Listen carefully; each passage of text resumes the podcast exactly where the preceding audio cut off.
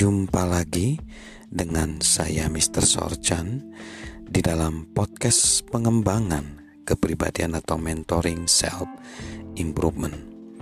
Pada saat ini kita akan membahas tentang bagaimana kita menyikapi perubahan yang begitu cepat dan kita ingin hidup dan siap menghadapi perubahan itu. Nah, saat ini kita perlu mengadakan perubahan dari sekedar memelihara menjadi berdaya cipta, dari sekedar memelihara menjadi berkreativitas. Ini adalah bentuk perubahan yang disebut dengan kelimpahan.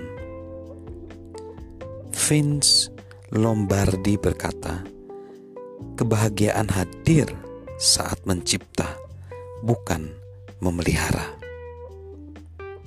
Pernahkah kita memikirkan harapan yang ditetapkan dari sebuah profesi atau industri untuk kita? Apakah orang-orang yang kita telah pimpin misalnya di di bidang kita atau orang-orang yang ada di sekitar kita atau profesi kita diharapkan untuk tetap berfokus diharapkan untuk mempertahankan proses, mengubah arah, keluar dari prinsip, atau mengembangkan prinsip. Nah, pertanyaan-pertanyaan itu adalah pertanyaan-pertanyaan yang memicu kreativitas kita. Kita harus tahu bahwa di dalam perkembangan hidup, kita tidak mau kita hanya tinggal di zona yang fasib.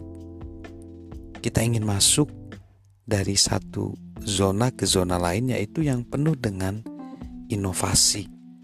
Di mana kita bisa menjalankan hidup dengan bergairah. Nah, sebenarnya kalau kita bicara tentang sebuah profesi ataupun kehidupan atau sebuah industri, sebenarnya terdiri dari empat zona. Yang pertama adalah zona mudah. Saya mengerjakan sesedikit mungkin ini zona paling bawah ya. Lalu yang kedua zona nyaman. Saya mengerjakan yang selalu saya kerjakan. Lalu yang ketiga adalah zona tantangan. Saya mencoba mengerjakan yang belum pernah saya kerjakan. Lalu yang keempat adalah zona kreatif. Saya mencoba memikirkan yang belum pernah saya pikirkan. Nah, ke mana ke mana kita tertarik dari zona ini? Apakah kita cenderung berada di zona yang mudah dengan santai, bahkan pasif mengerjakan sesedikit mungkin? Apakah kita cenderung berada di zona nyaman? Menghindari resiko? Apakah kita terhubung dengan zona tantangan, tempat kita mencoba hal-hal yang baru dan bersedia mengambil resiko kegagalan? Ataukah kita berusaha mengembangkan diri semaksimal mungkin di zona kreatif, tempat kita mengeksplorasi ide-ide baru, mencari perspektif lain, dan membuat pencapaian dalam imajinasi Anda jauh sebelum kita bisa mewujudkannya.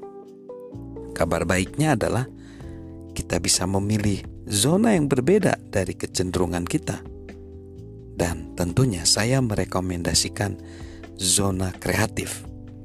Karena di tempat inilah kita mengalami kelimpahan dan dapat memaksimalkan potensi kita.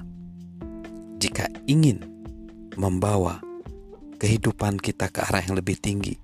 Jika kita, jika kita kita harus bertransformasi, bertransformasi dari hidup yang hanya memelihara menjadi hidup yang hanya berdaya cipta dan terus berupaya tinggal di zona kreatif. Salam zona salam kreativitas dari saya, Mr. Sorjan.